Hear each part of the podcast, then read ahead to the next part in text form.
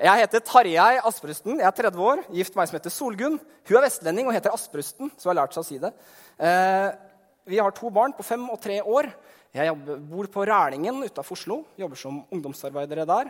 Holder på med ungdomsarbeid. Det å vise ungdommer hvem er Jesus og få til å følge ham, det er vanskelig opplegg. Veldig gøy og utfordrende. Men veldig, veldig meningsfullt. Og så jobber jeg til daglig som lege og forsker på Ahus. Og holder på med ungdommer som har kyssesyke, og som blir slitne.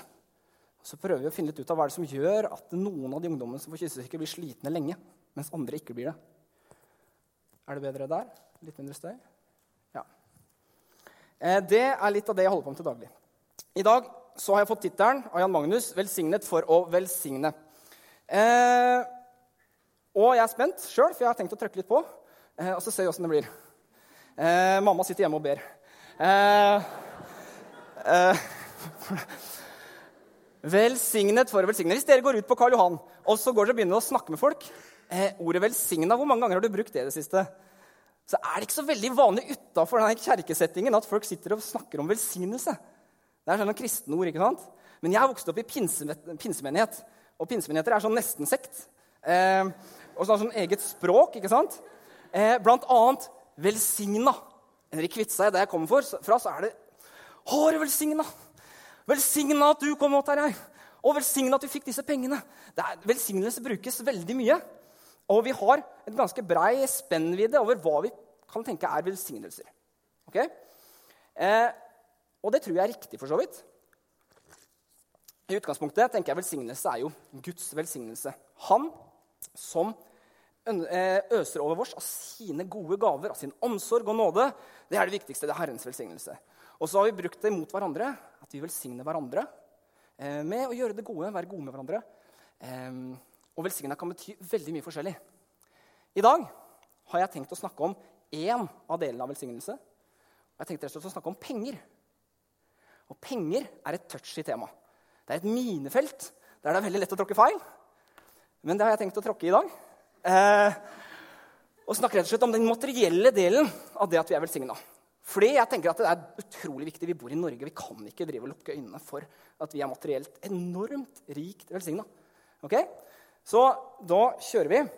Eh, klikk. Er du rik? Er du rik? Hvor mange her er studenter? Ganske mange. Og de aller fleste studenter vil si nei, jeg er ikke rik. Jeg går på studielån. Jeg får gjeld. Jeg er ikke rik. Eh, og i og for seg kan det stemme, kanskje sammenligna med andre folk i Norge. Eh, men sammenligna med verdens befolkning så er det jo helt, helt enormt rike. Eh, denne grafen som kommer her, er ganske interessant.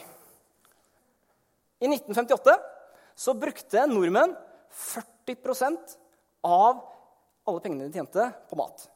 Og det, hvor mye penger du bruker på mat, er et veldig godt mål på rikdom. Man måler, ser på land, så ser man hvor mange prosent av innkomsten bruker man til å rett og slett dekke matbehovet sitt. Og I Norge på 58 så var det 40% Så har dette siget nedover jevnt og trutt utover. Og i dag, eller i 2012 da, så eh, brukte nordmenn 12% av alt de tjente, på mat. Og når jeg drev rundt på nettet og leste om det greiene her, og leste kommentarartikler, og sånt, så det de fleste liksom har som fokusområde her, er at det, ja, og Matvarekjedene prøver å si at maten er så billig, men dette viser ikke det. Maten i Norge er dyr. Og jeg bare Er det det dere ser her? Det er navlebeskuende norsk virkelighet. det. Ok, Hva forteller dette bildet her? Det forteller I 1958 var det 40 som gikk til mat. I år og i nå er det 12% Hva betyr det? Det er to muligheter. Enten så er vi blitt så sinnssykt sparsommelig. Vi bruker enormt lite penger på mat. Det er blitt så mye mindre penger på mat de siste 40 åra at eh, den prosentandelen bare har synket til 12% Vi er radmagre hele gjengen. Eh, og det vet jo alle at det er helt galt. Sannheten her, Grunnen til at dette kun er 12% er ikke fordi vi spiser mindre. Vi fråtser verre enn noen gang. Vi kjøper mer mat enn noen gang. Vi kaster mer mat enn noen gang. Men vi tjener helt latterlig mye penger i det landet her. Sånn at det er bare fortsatt 12% av det vi tjener, som går til mat. Vi er så rike. Eh, og da tenker vi jo kult. Da har sikkert den delen som mennesker gir vekk, økt kjempemasse. Vi har fått masse penger å gi vekk. ikke sant?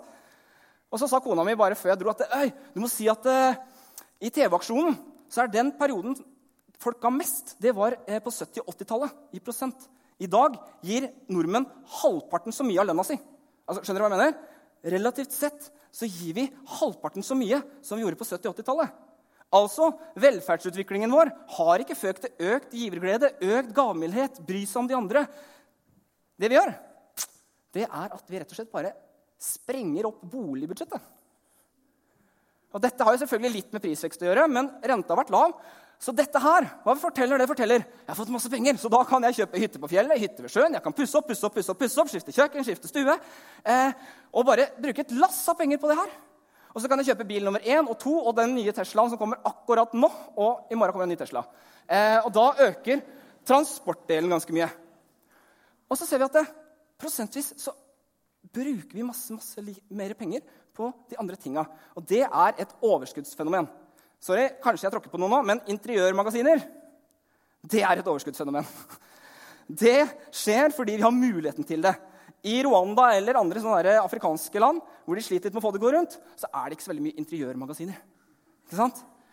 I Romania så bruker de 50 av inntekta si på å skaffe seg mat. Det er et Europa, land i Europa. Et av de fattige i Europa. 50% forteller ganske mye. Ok, Så hva jeg forteller her? Jeg vil fortelle du er rik. Kanskje ikke nå. Kanskje ikke du er så veldig rik akkurat nå. Nå går det studenter, må få det til å gå rundt. greit nok. Men du tar en utdanning, og i løpet av ganske kort tid, noen få år, kanskje bare måneder, så kommer du til å begynne å tjene penger. Og du kommer i verdens sammenheng til å være steinrik. Ok? Så Da er spørsmålet snakker Jesus noe om det å være rik.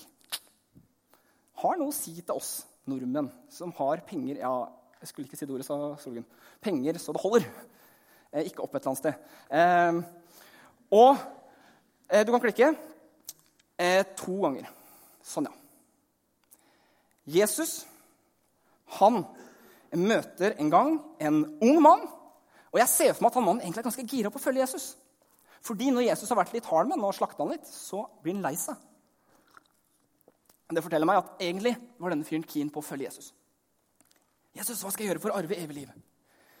Og Jesus eh, sier litt forskjellige ting til ham, blant annet du må følge alle budene. ikke sant? Du skal ikke drepe noen, du skal ikke være utro mot kona di, du skal Og så, videre.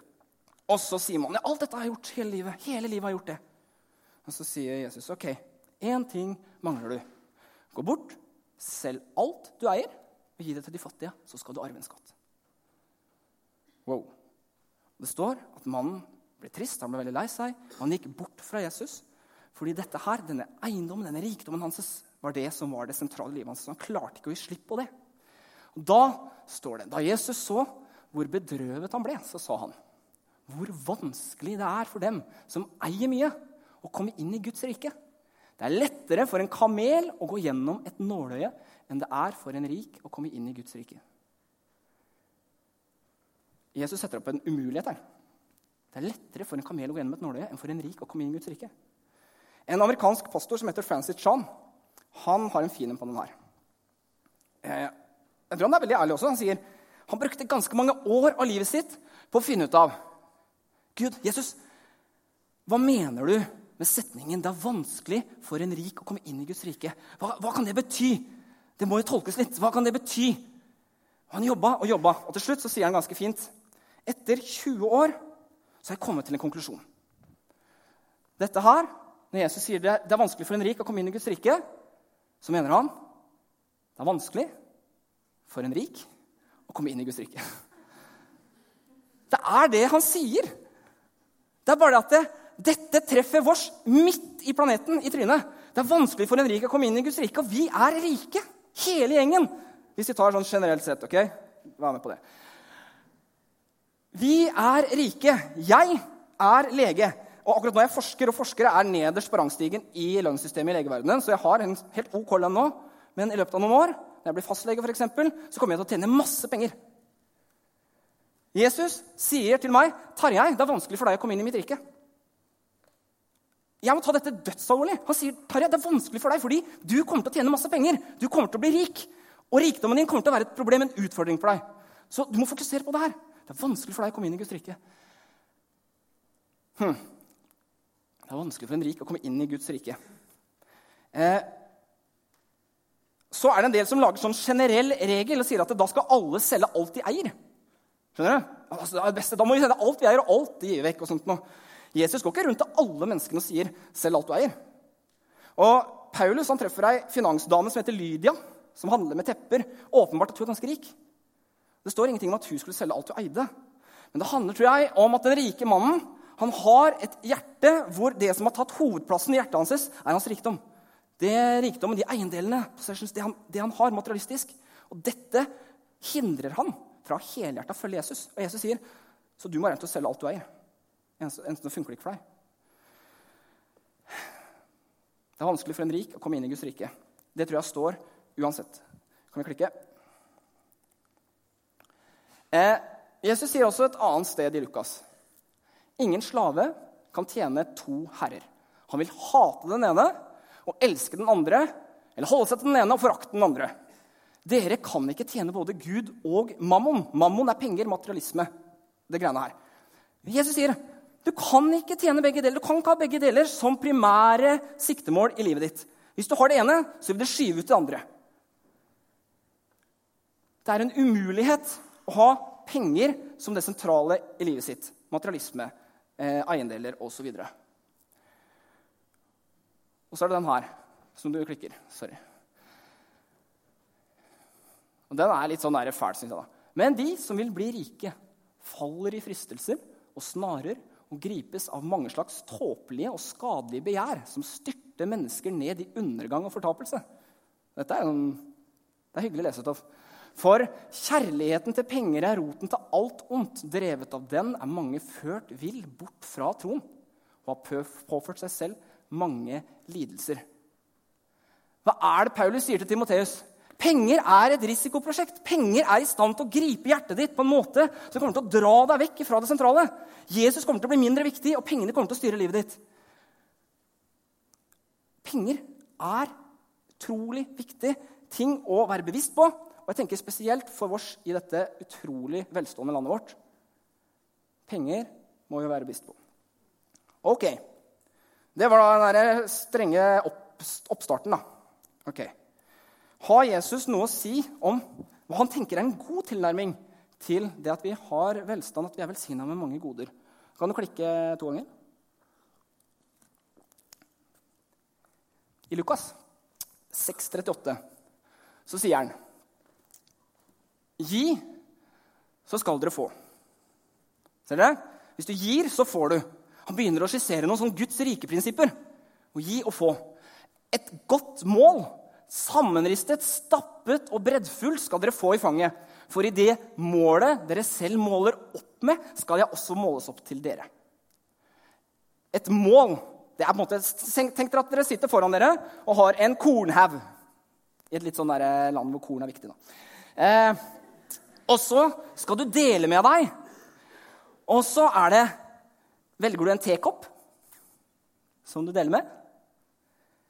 Eller går du med et sånn raust tolitersmål og bare spar opp og døser ut? skjønner du? Og så setter Jesus opp en eller annen Det er et eller annet Guds rike-prinsipp her. Hvis du er raus, så arver det raushet. Det er et eller annet Du velsignes i samme proporsjon som det du er raus selv målet dere selv måler opp med, skal det også måles opp til dere. Eh, og Det er litt skummelt å tenke sånn at eh, det er noen som har gått seg litt vill i en retning av at vi skal få veldig mye rikdom og velsignelse. og sånt, ikke sant? Så jeg er ikke der jeg skal gå. Allikevel, når Jesus sier disse løftene her, så tror jeg at han faktisk mener det. Klikk en gang. Klikker du? Ja. Eh, så altså eh, Det var den første. Eh, det er mye i Lukas i dag. Lukas 12, 33. Selv det dere eier, og gi gaver til de fattige. Og så er den setningen som jeg synes er fin her, er skaff dere pengepunger som ikke slites ut. En uforgjengelig skatt i himmelen der tyver ikke kommer til og møll ikke ødelegger. Skaff dere pengepunger som ikke slites ut. Har dere sånne gamle besteforeldre som hadde en sånn pengepung med sånn kneppåpning med sånn småmynter i? Jeg hadde det. Kom til farmor, og når hun kom med sånn pengepung Og så rista det litt. Så hadde jeg en sånn lyd av småmynter, og da var det sånn derre Nå er det bursdag, julaften og alt en gang. Så da skulle, eh, litt til sparebørsa og litt til is. ikke sant? Eh, pengepung.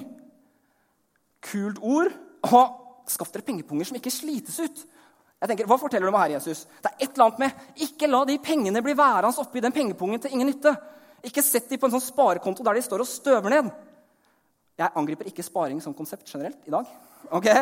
Så ikke les meg det som det. Men det er et eller annet med at det, ikke gjem vekk pengene dine og bare la de være passive penger, men invester dem i Guds rike. Hvis jeg ser et behov i dag, så, dek, så har jeg jo penger. La meg gjøre det nå. Ikke gjemme vekk pengene mine. La meg benytte muligheten jeg har, så at ikke pengepungen min blir utslitt, men at pengene faktisk går inn og velsigner mennesket eh, rundt meg. Så skaff dere pengepunger som ikke slites ut. Dere merker Det handler om raushet. Det handler om å faktisk bruke mulighetene våre til å velsigne andre mennesker. Ok, eh, Klikk en gang til. Men det sier dere. Men det sier jeg faktisk. Den som sår sparsomt, skal høste sparsomt. Og den som sår med velsignelse, skal høste med velsignelse. Enhver skal gi det han har bestemt seg for, i sitt hjerte. Og viktig ikke med ulyst eller av tvang. For Gud elsker en glad giver.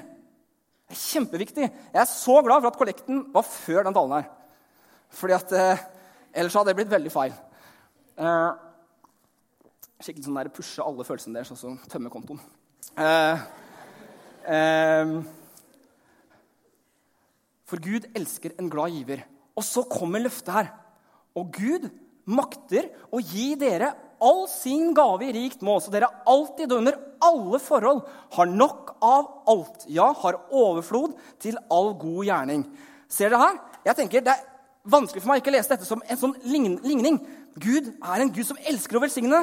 Han står klar til å velsigne for at vi skal øse ut hans gaver videre til mennesker vi møter rundt oss. Um, så det er, det er noen Guds rike prinsipper ute og går her. Vel, klikker du? Eh, jeg mister dynamikken når han klikker for meg. Eh, sorry. Eh, når jeg har utfordrende områder i livet mitt, det gjelder tro eller andre ting, så liker jeg å ha forbilder. Jesus er selvfølgelig det perfekte forbildet. Han er den fullkomne.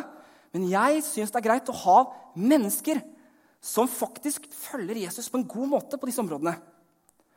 Så jeg har forbilder for ulike ting i livet mitt. Og det må jeg si da, Hvis dere skal velge forbilder, så ikke ta ett forbilde til alt. Det er veldig dumt, for mennesker er ufullkomne.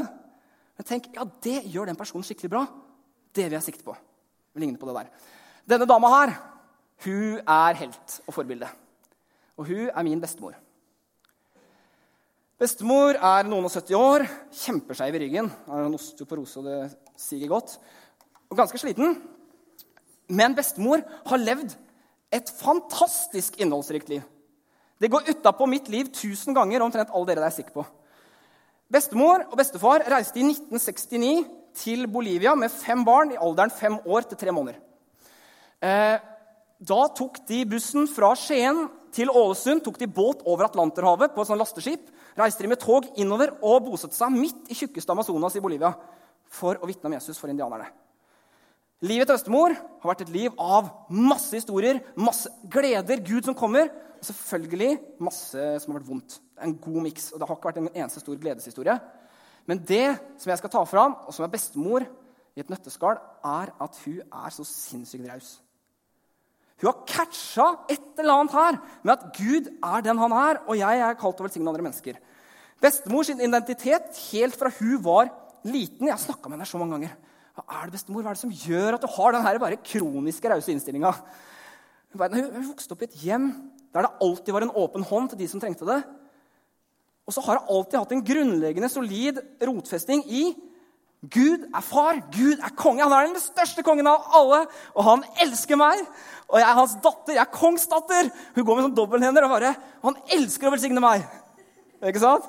Eh, hun ser ikke sånn ut der, da, men hun er eh, Hun er ikke så veldig sånn sprudlende, nødvendigvis, men hun er dønn rotfesta i Han elsker meg, jeg er hans datter, kongsdatter, og han velsigner meg. Så jeg kan velsigne andre. Sånn har det vært hele livet. Jeg kjenner ingen mennesker i mitt liv som har så kort vei fra de ser et behov, til de dekker behovet. Det er sånn, det er sånn Bestemor reagerer med en gang. Og eh, når de dro til Bolivia i 1969 Mamma, mamma var den eldste av disse søsknene. På fem år da. Og så kom de inn i bussen og skulle kjøre fra menigheten. De vinka til alle i familien sin, og alle trodde nå er det siste gang vi ser dem. Nå drar de, og så stikker de ut for å fortelle om Jesus. Eh, og da er det, altså jeg tenker sånn, Det er lov å være litt nervøs da. Kommer dette til å gå rundt? Penger, sånne ting. Så kom det en sånn gammel mann sier bestemor, inn på bussen. Og så gikk han nedover, nedover mellom setene, og så stoppa han henne her og så sa han, Berit, Gud har sagt til meg at jeg skal si til deg det er alltid nok penger. Det er alltid penger nok. Og da er bestemor skrudd sammen sånn at hun er sånn OK. Ok, Guds løfte alltid penger nok. Og så har hun levd hele livet sitt i en sånn derre Og det er så mange historier. Når hun liksom Gud, vi trenger 10 000 kroner til Ororo på fredag. Amen. Og så sover hun godt i fem dager. Og så kommer det en sånn mann fra Øvre Telemark, gammel fyr, som bare å, jeg fikk for meg at jeg skulle gi deg 10 000 kroner. Eh, og sånn har bestemor levd hele livet. Seinest i jula i fjor så snakka jeg med bestemor. Hun bare, Tarjei, ah, jeg fikk sånn lyst til, fordi vi hadde noen bolivianske misjonærer, noen nasjonale misjonærer som var med oss alltid. De var alltid gode og støtta oss i alt sammen. Jeg har så lyst til å velsigne det. Gud har liksom gitt meg en sånn herre Ja, så det gjør jeg. Så hun kjøpte tur-retur Israel til 50 000 kroner. Hun har ikke så mye penger, men, men liksom, hun kjente på seg det skal jeg gjøre. Og så har bestemoren Og Gud er min forsørger, så det ordner seg. Og så tenker jo folk ja, det er jo naivt. ikke sant? Det er passe naivt. Sånn kan det ikke funke. Og Så gikk det tre dager, eller noe sånt nå. Da hadde hun betalt 50 000, og hun sa jo ja, det var litt mye penger. da. Det var litt mye penger. Hun hadde så lyst! Så, så velsigna de menneskene med det. Og så er det sånn at eh, bestemor var gift med altså Min bestefar døde, og så giftet bestefar seg på nytt med en mann som hadde noen voksne barn. Han var enkemann. Så hun fikk liksom noen bonus voksenbarn. da. Skjønner jeg greia? De har vært veldig takknemlige for bestemor, glad i bestemor. Så den jula der så tenkte han ene som har gjort det ganske bra, jeg skal velsigne Berit denne jula her. Så hun fikk julegave på hvor mange penger da? 50 000? Sant? Ja, akkurat det. Bare noen dager etterpå. Og jeg vet jo at det, Jeg klarer ikke helt det greiene der, altså. Å, leve sånn. Men jeg fascineres så grunnleggende av bestemor sin genuine raushet. Hvert år tar bestemor buss til Spania fra Norge, for hun hater å fly. Så hun reiser med buss gjennom hele Europa. Og det har jo vært diverse migrantkriser og flyktningkriser de siste åra. Så hver eneste gang så dumper hun opp i trengende mennesker nedover i Europa. Som enten sørger for å komme seg inn på asylmottak, eller som vil få gitt litt mat, eller som Bestemor! Hun er så raus. Jeg bare fascineres. Du har catcha et eller annet av bestemor. Jeg har lyst til å ligne på deg. Du får lyst til å ligne litt på bestemor, ikke sant? Du har litt lyst, ja. Ehm, så eh, Jeg prøver alltid å være litt praktisk når jeg taler. Sånn at du går hjem og tenker ja, jeg fikk noe verktøy i dag. Så jeg tenkte at jeg skulle være litt ærlig da om min egen vei mot dette her, hvordan bli like raus som bestemor. Det er litt vanskelig, ikke sant? Så dette er ikke en sånn suksesshistorie nødvendigvis. Men hvordan jeg har tilnærma meg det. Eh, kan du klikke videre? Eh, tiende. Eh, det er et ord som veldig fort kommer inn når vi snakker om dette her med å gi. Tiende er et sånt gammeltestamentlig prinsipp som de, de gav av det første de fikk inn. De hadde en åker eller et eller annet, og når de høsta inn det gode fra åkeren, så tok de en tidel. De tok det første grøden, så delte de opp, og så ga de tilbake til Herren. Og jeg tenker utrolig bra prinsipp. Hvis du klikker en gang. Førstegrøden. Eh, klikk. Nei, klikk. Jeg så der. Eh, klikk. Nei, tilbake. Der er vi. Førstegrøden. Sorry. Eh, det er et kjempeprinsipp, fordi eh, det betyr at det, med en gang så gir jeg det av den delen som egentlig var tiltenkt Gud. Har dere prøvd å gi tiende av eh, sluttpakka du har til slutt etter en måneds forbruk? Jeg har slitt litt med det. De pengene har en tendens til å gå. Hvis du klikker litt eh, nå I Nytestamentet er det ikke så veldig mange som bekreftelser av tienden, at den fortsetter på en måte i vår tid. Men dette sier Jesus. Ved dere skriftlærere og farisere, dere hyklere. Dere gir tiende av mynte og anis og karve, men forsømmer det som veier mer i loven. Rettferdighet, barmhjertighet og troskap. Og Da høres det ut som tiende ikke er så viktig, men så sier han det ene burde gjøres, og det andre ikke forsømmes. Så jeg tenker på en måte han sier det er viktigere med rettferdighet, barmhjertighet og troskap, men tiende er også viktig. Tienden er viktig. Det å være med og gi. Ok. Klikker du da videre? Eh, skal vi se Hvordan har jeg tilnærmet meg det her?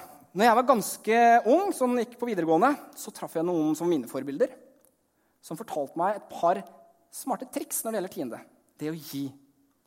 For eksempel sa noen Tarjei, det er utrolig mye lettere å gi når du har lite penger. Eh, dere er studenter, ikke sant? Dere har ikke så sinnssykt mye penger, det vet jeg jo akkurat nå, men dere kommer til å få mye penger. Når jeg starta å gi penger og gi tiende, så hadde jeg eh, ca. 500 kroner i månedslønn. Eh, og en 50-lapp er ikke så mye penger. Kjenner dere på å gi 50 kroner? Nei, De færreste syns det er veldig vanskelig. Det går fint. Så gikk det noen år, og så begynte jeg å spille orgel i kjerka. når jeg gikk på videregående. Og Da fikk jeg litt mer penger. Så da tjente jeg 5000 i måneden. Og da var tienden oppe i 500 kroner. Men Grete, dette økte jo proporsjonalt. Du bare fulgte med den der tingen du hadde. ikke sant? Så jeg hadde fortsatt like stor prosentandel. Det økte videre. Så det var lett på en måte å følge med videre. Og så økte det, så tjente jeg enda mer. Nå tjener jeg ikke 50 000 i måneden i dag. Eh, men prinsippet er at jeg kommer til å gjøre det en, en dag, sannsynligvis. Og det er 5000 i måneden. I løpet av et år så er det 60 000 kroner. Er det veldig lett å starte spontant og gi 60 000 kroner? Nei, det er ikke det. For man har vent seg til et forbruksmønster. Man har vent seg til hvordan man bruker pengene sine. Mitt råtips, og dette har jeg tipsa mine egne ungdommer om også, er start å gi tidlig. Når du ikke har så mye penger. Det å velsigne andre er ikke et utgangspunkt bare for de rike. Det er et generelt gudsrikeprinsipp. Start når du ikke har så mye, og så erfarer du at det er mye lettere å følge med de gode vanene videre. Um, så det gjorde jeg, og det syns det var fint. Hvis du klikker én gang Dette verset syns jeg er kjempeviktig. Ikke med ulyst eller av tvang, for Gud elsker en glad giver. Det var en positiv ting. Opplevde det som frihet, som glede, noe som ga meg noe. Så eh, satt jeg der og tenkte jeg en dag sammen med kona mi. Dette er flere år siden. Vi har så sinnssykt mye penger. Vi kan jo gi mye mer enn 10 eh, Kan vi ikke prøve på 30 Så i mange år så har vi 30 eh, Jeg gjør ikke det nå, og det er litt av poenget. Skjønner du? Jeg starta med et prosjekt. og det var ikke noe sånn der, virkelig, når vi starta det, så kjentes det veldig godt. Det var positivt. Grunnleggende positivt. Vi gleda oss over å få gi de pengene videre og se den tiendekontoen. For jeg har en egen konto som heter tiendekontoen, så at du kan sette penger med en gang over på den. Slipper du å stå på vanlig konto. Det er sånn praktisk triks. Eh, og bare Tenk alt det vi kan velsigne nå! Dele ut. Det var kjempegøy. Og det var virkelig, og det mener helt seriøst, det var ikke noe sånn derre oh, nå er vi flinke, nå får vi det til. Kjempebra. Det var, det var virkelig ikke det. Det var en positiv greie. Vi følte frihet i å holde på med det. Og erfarte i den andre enden at det er penger nok. Det er nok til å dekke opp regninger, det er nok til å få det å gå rundt på en god måte. Det var frihet, det var glede. Så gikk det noen år, og så hadde jeg en høst hvor jeg helt ærlig hadde litt dårlig økonomikontroll. Vi brukte litt mer penger. Det er jeg som styrer eh, budsjettet og sånn. Kona mi er veldig flink, egentlig. Eh, så det er meg. Det er jeg som er problemet her. Tarjei Asperosten. Eh, vi brukte for mye penger. Det var noen reiser og det var litt andre ting. Vi kjøpte inn en ny kano. tror jeg. Litt sånt. Og så satt jeg der og hadde ikke penger til de viktige regningene. Og så hadde jeg en tiendekonto med noen 50 000 kroner på. Det blei litt fristende. Ikke sant? Se. Jeg rett begynte å betale regninger fra tiendekonto. Begynte å stjele fra Gud. Det var en skikkelig god følelse. Så jeg lånte fra tiendekontoen, begynte å føre regnskap over hvor mye jeg hadde tatt ut når og når, og begynte tilbakebetalingsplan til tiendekontoen, sånn at jeg liksom skulle ende riktig. da. Og dere kjenner jo nå at uh, dette er litt klamt. Det kjennes ikke så veldig fritt ut lenger. gjør det det? Jeg satt sånn i et halvt års tid. Og så en dag så står du noen ganger i bilen. Da kom han til seg selv. Og det gjorde jeg en dag. Jeg satt og så bare Herlighet. Hva er det du driver med? En sånn selvpåført selvpiskingsøvelse hvor du liksom Ikke er det Jesus som har sagt det, og ikke er det noe krav. og ikke er Det Det skal jo frihet og glede. Så da klarte jeg faktisk å si til meg sjøl, ved hjelp av noen venner og litt sånt nå, at OK, Jeg er faktisk ikke kalt til å leve sånn som det her. Vi er kalt til frihet. ikke sant? Og så var jeg en litt sånn brokete runde. Summa summarum er vi dreit i denne 30% Det var ikke frihet. Det var ikke glede. Det var ikke dette her, den gleden, den lysten, friheten som vi hadde egentlig opplevd i mange år. Den var borte. Ok, da må vi gjøre noe annet. Så vi gikk tilbake til tienden. Og det er glede. Det går fint. Det er, det er en positiv greie. Det, eh, og jeg, så, tanken, jeg syns fortsatt tiende er veldig bra, men det kan hende du opplever tiende som vanskelig òg. Jeg tenker, dette er så viktig. Ikke med ulyst eller av tvang, for Gud elsker en glad giver. Han har ikke kalt oss til et liv med tvangstrøye. Ok? Har jeg fått fram det godt nok nå? Håper det. Eh, han har ikke kalt oss et liv med tvangstrøye. Eh, bestemor har sagt meg veldig klart at eh, jeg henne med, spør henne hvordan, hvordan har du klart å få den herre knalltrua på at Gud holder sine løfter. Skjønner du? Hvordan klarer du faktisk å tro det? For det er litt vanskelig. 50 000. Jeg hadde ikke trodd det for fem flate øre. Og så sier hun at det er jo selvfølgelig at du er nødt til å ta et skritt. Dere så løftene som sto der i stad. Han er ganske klar i Guds ord. I Guds ord så står det ganske tydelig. Det er noen sammenhenger her. Og hvis du går i tro, prøv det her, da. Ta et lite skritt først. Så ser du at du erfarer ja, det funker. Da tør du kanskje å ta et litt større skritt neste gang. Og så er det på en måte en, du, er, du kommer ikke noe sted hvis du ikke begynner. Ikke sant? Så det å våge å ta de første små skritta i tro, det var bestemor sitt stalltips. Hvis du klikker en gang til, og en gang til, og en gang til Jeg har satt opp noen praktiske tips eh, som jeg tenkte dette har vært viktig for meg. Nummer én, og som jeg håper dere sitter igjen med Gud elsker en glad giver, ikke tvang, tvangstrøye. Det er ikke det vi er kalt til. Til frihet. Men hvis du først begynner å gi, så er det å gi av førstegrøden et stalltips. På slutten av måneden har du brukt opp pengene dine. Når du får inn pengene, lag en egen konto. Det er gratis å gjøre i nettbanken. Og så bare setter du pengene over rett med en gang. Så står du på en egen konto. Er ikke i systemet. Veldig enkelt å forholde seg til. Og så For å erfare løftene må du først ta et skritt i tro. Du kan ikke erfare noe du ikke har prøvd å gjøre. Det er veldig vanskelig. Og Så er det det første jeg starter med her. Raushet avler raushet. Gi, så skal dere få. Det målet du selv måler opp med, skal du måles opp til deg. To klikk til.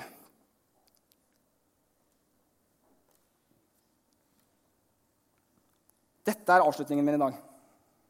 Bare som en reminder. Når israelsfolket hadde vært i Egypt som slaver, så blir de ført ut av Egypt. Gud gjør voldsomme undre og leder dem inn i løfteslandet som flyter av melk og honning. Og de går gjennom en sjø som deler seg. De kan ikke stå her og si ah, det var vi som fiksa det. Ikke sant?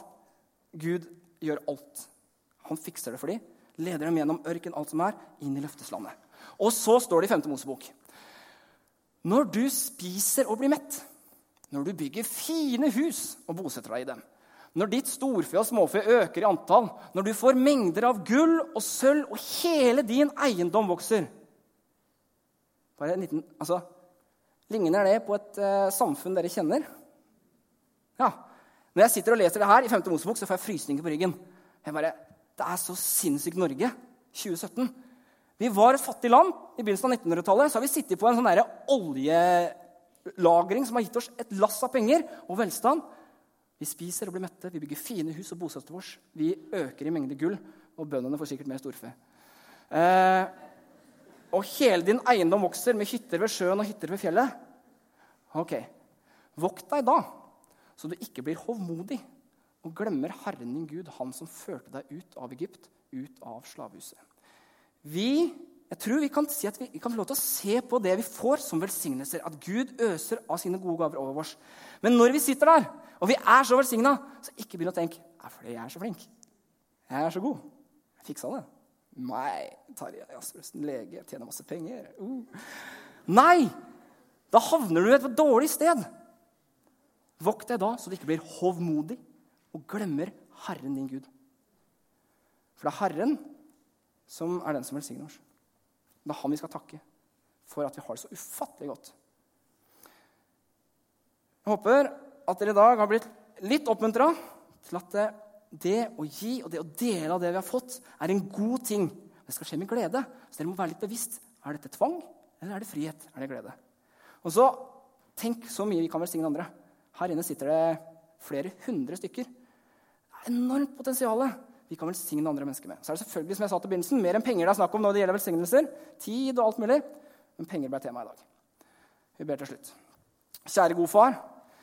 Takker deg for at du i ditt ord er ganske tydelig om de greiene her. Du sier at penger og rikdom er noe vi skal være utrolig varsomme med og bevisste på. Hjelp oss ha rett fokus, ha deg på den sentrale plassen, så pengene kan bli et verktøy til velsignelse og ikke noe som fanger livet våre og fører oss vekk fra deg. Jeg takker deg for gode forbilder, takker deg for bestemor, som kan vise meg hvordan raushet er. Eh, at vi kan bli rause mennesker som virkelig viser godhet og kjærlighet til mennesker rundt oss og deler av det vi har fått fra deg. Ber deg for uka som kommer, ber deg for de dagene som kommer. Vær med oss, Herre. Vær til stede i livet vårt og vis deg som den du er, som den sanne Guden som elsker oss og velsigner oss, så vi kan velsigne andre. I ditt navn. Amen.